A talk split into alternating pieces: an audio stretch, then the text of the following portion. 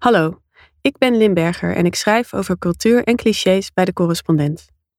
Het verhaal dat ik zo meteen ga voorlezen komt uit het boek Dit was het nieuws niet. Dat is uitgegeven door de correspondent. Het gaat over wat misschien wel de heilige graal is van deze tijd, namelijk energie. Van vakanties om bij te tanken tot yoga om op te laden en chief energy officers als leidinggevende van de toekomst. Iedereen, zo lijkt het, verlangt naar meer energie. Het is alsof de mens een batterij is geworden. Maar waar laden we ons eigenlijk voor op? Hoe de mens een batterij werd en de economie ons tot opladen dwingt. Een paar winters geleden hing er aan de kiosk in mijn straat een affiche uit de jongste reclamecampagne van Adidas. Het was een foto, zwart-wit met een zweempje kleur, van een jonge vrouw die vier de camera inkeek. I am positive energy stond erbij. Even verderop, in een abri bij de tramhalte, hing er nog een. Het was een portret van een sportschoen in hardlooppositie, neus omlaag, hak omhoog, met hetzelfde bijschrift. I am positive energy. Een paar weken lang passeerde ik sportster en schoen vrijwel dagelijks, terwijl ik met opgetrokken schouders en gekromde rug een buggy voortduwde. De slagzin kwam me tamelijk vreemd voor, want energie heb je, dat ben je niet. Maar de campagne wekte ook verlangen. Het was januari, ik was moe en Adidas beloofde een energy boost. Energie is het panacee van deze tijd. Het zit in energy drinks, energierepen, vitaminepillen en superfoods. Je krijgt het van yoga, mindfulness, powernaps en hardlopen. En op de korte termijn van koffie, sigaretten en drugs. Blogs en zelfhulpboeken helpen je om stress, die notoire energievreter, uit je leven te bannen. En managementboeken met titels als Hoera, energie! Of Waar haal je de energie vandaan? beloven werkgevers en werknemers meer energie op de werkvloer. Dat is handig, want zoals de promotietekst van laatstgenoemde stelt, energie is de beste voorspeller van succes. Energieke mensen zitten beter in hun vel, gedragen zich actiever en presteren beter. De positieve energie uit de Adidas-reclame en van de welzijnsblogs en adviescolumns en zelfverbeterboeken gaat verder dan puur lichamelijke energie. Het soort energie dat zich laat uitdrukken in ingenomen en verbrande calorieën en dat direct samenhangt met slaap en voeding. Op de keper beschouwd kost hardlopen natuurlijk energie. Maar meestal hebben we het over een mysterieuzer en subjectiever variant: mentale energie, levenslust en vitaliteit, motivatie, enthousiasme en geestdrift. Het soort energie waar kinderen van overlopen en waaraan het hun ouders ontbreekt. Die energie is zowel vluchtig als terugwinbaar. Die meet je niet, die voel je. En die energie kun je boosten. Met hardloopschoenen bijvoorbeeld. De manier waarop Adidas inspeelde op een diep gewortelde energiebehoefte bij de moderne mens, of eigenlijk de moderne vrouw, want de campagne was op vrouwen gericht, kwam me die winter voor als een teken destijds. We leven tenslotte in wat de Duits-Koreaanse filosoof Byung-Chul Han de vermoeide samenleving noemt. De diagnose is inmiddels bekend. Globalisering, flexibilisering op de arbeidsmarkt en de eisen van de prestatiemaatschappij dwingen ons voortdurend het beste uit onszelf te halen. Daarnaast houden technologische ontwikkelingen, internet, smartphone, een 24-uurs-economie in stand die maakt dat we altijd aanstaan. En dus heeft in Nederland ruim 1 op de 7 werknemers burn-out klachten. Op steeds jongere leeftijd kampen we met stress en uitputting, en depressie, met vermoeidheid als een van de voornaamste symptomen, heeft epidemische vormen aangenomen. Wereldwijd zouden meer dan 300 miljoen mensen ermee te maken hebben.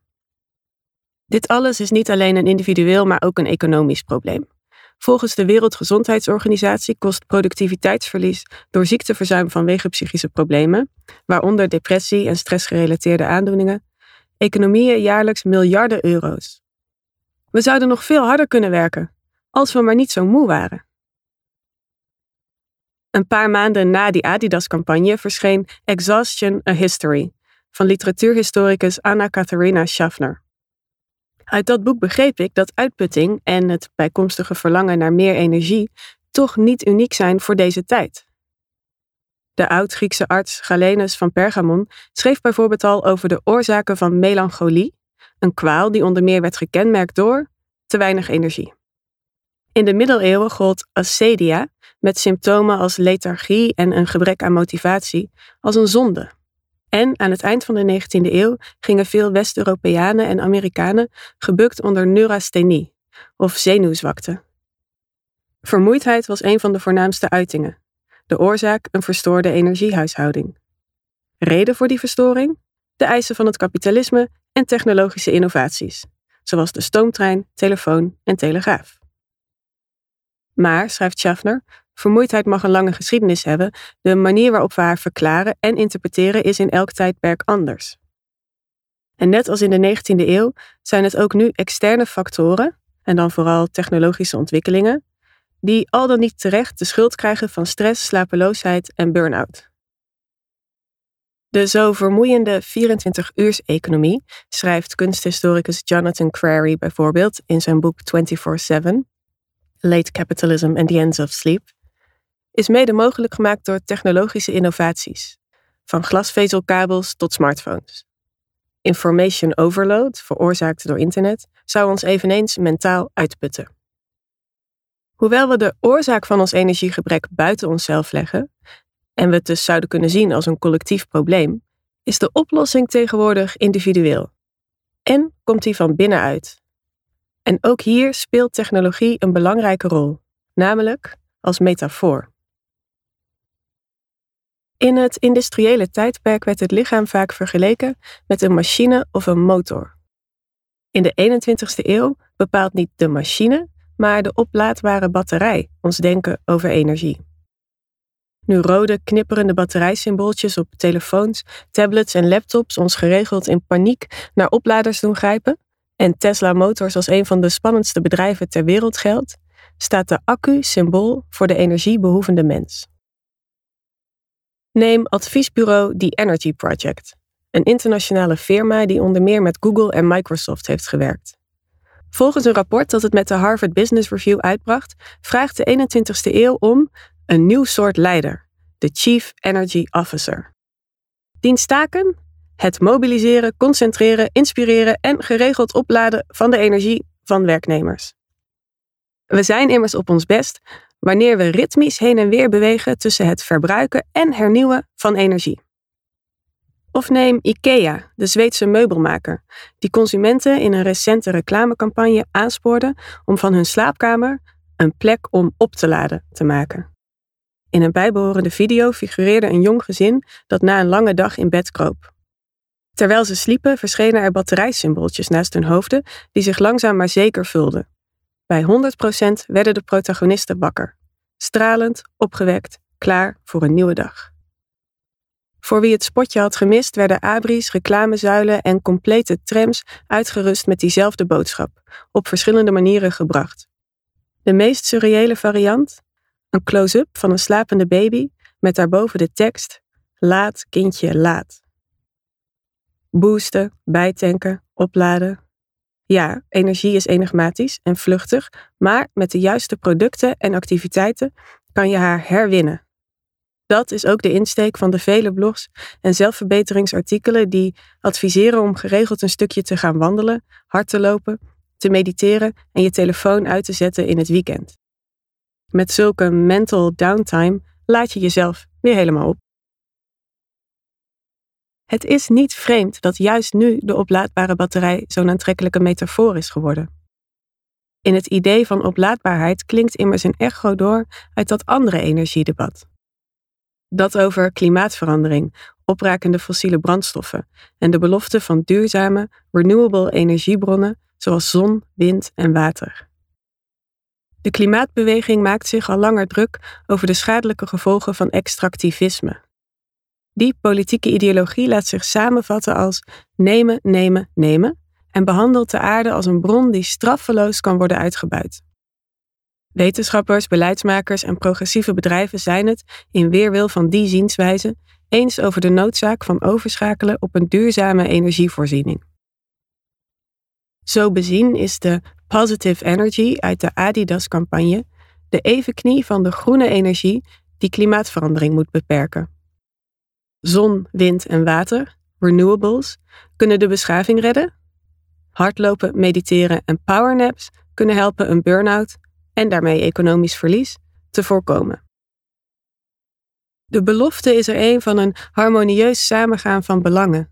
Iedereen zegeviert. Uitputting is voor eens en altijd de wereld uitgeholpen. Als we alle kringlopen sluiten en zorgen dat er nergens iets nuttigs weglekt, dan ligt een utopia van balans en evenwicht in het verschiet.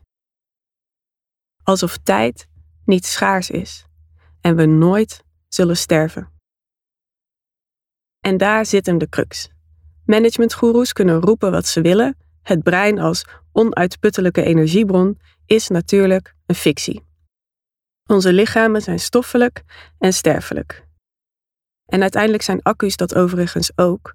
Een batterij kan behoorlijk vaak opnieuw worden opgeladen, maar na een tijd geeft zelfs de allerkrachtigste er de brui aan. Dan rest vervanging en eventueel recycling. Maar dat is niet waar we het over hebben wanneer we het over oplaadbaarheid hebben. Dat de mens zijn eigen sterfelijkheid het liefst ontkent, is niet nieuw.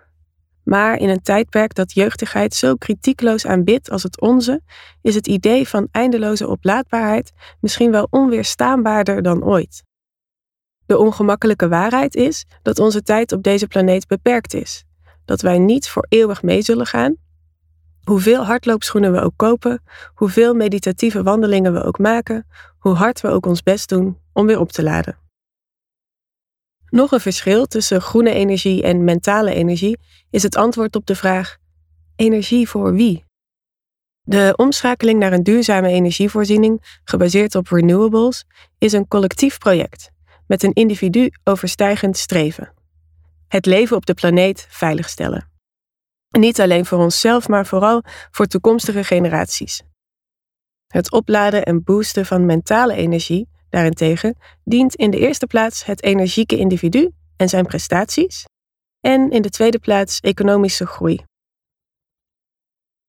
Veelzeggend is het online filmpje dat onderdeel uitmaakte van de Adidas-campagne. Jonge, fitte en vooral competitieve vrouwen rennen op opzwepende muziek door de stad, deels aangejaagd door elkaars aanblik. Het leven is een wedstrijd. I am positive energy, met de nadruk op ik. Als de manier waarop we over mentale energie praten dan toch zo samenvalt met ons denken over duurzame energie, kunnen we dan niet ook een hoger collectief belang de inzet maken van onze pogingen energieker in het leven te staan? De individuele oplaadbare mens gaat uiteindelijk maar zoveel jaar mee, de maatschappij waaraan hij zijn energie besteedt stukken langer. Het beeld van het individu dat zichzelf moet opladen om zich te weren tegen de energy drain van de kapitalistische technologische samenleving ontneemt ons het zicht op mogelijke alternatieve strategieën om de massale vermoeidheid het hoofd te bieden.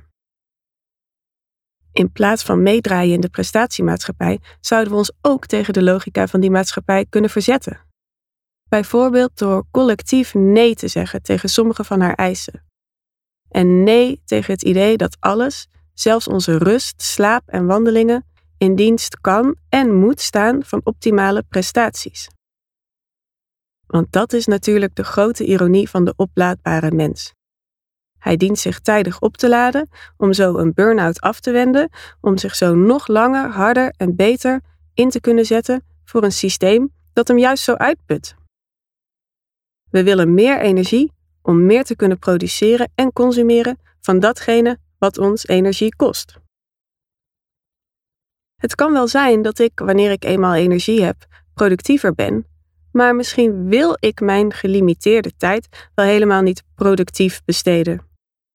Weigeren heeft in tijden van just do it en yes we can iets negatiefs. Nee zeggen, dat is wat de vermoeide mens doet. Nee, doe maar niet, zegt de slapeloze ouder tegen het jaloersmakend energieke kind. Nee, liever niet, zegt Bartleby, de klerk uit het verhaal van Herman Melville. Net zolang tot hij depressief, uitgeput en uitgehongerd het loodje legt. Maar nee zeggen tegen de ironie van de oplaadbare mens, dat lijkt me nou het tegenovergestelde van negatief. Of om Adidas te parafraseren, that is positive energy. Dat was het. Dankjewel voor het luisteren. Wil je meer weten over de belangrijke ontwikkelingen van deze tijd? Lees dan ons boek Dit was het nieuws niet. Daarin vertellen in totaal 23 correspondenten je onmisbare verhalen die niet zo snel in het journaal zullen komen, maar die wel een dieper inzicht geven in hoe de wereld werkt. En op de correspondent ga ik graag met je in gesprek over de sleutelwoorden van deze tijd en wat we daarvan kunnen leren. Ga naar www.decorrespondent.nl/slash Lin Berger.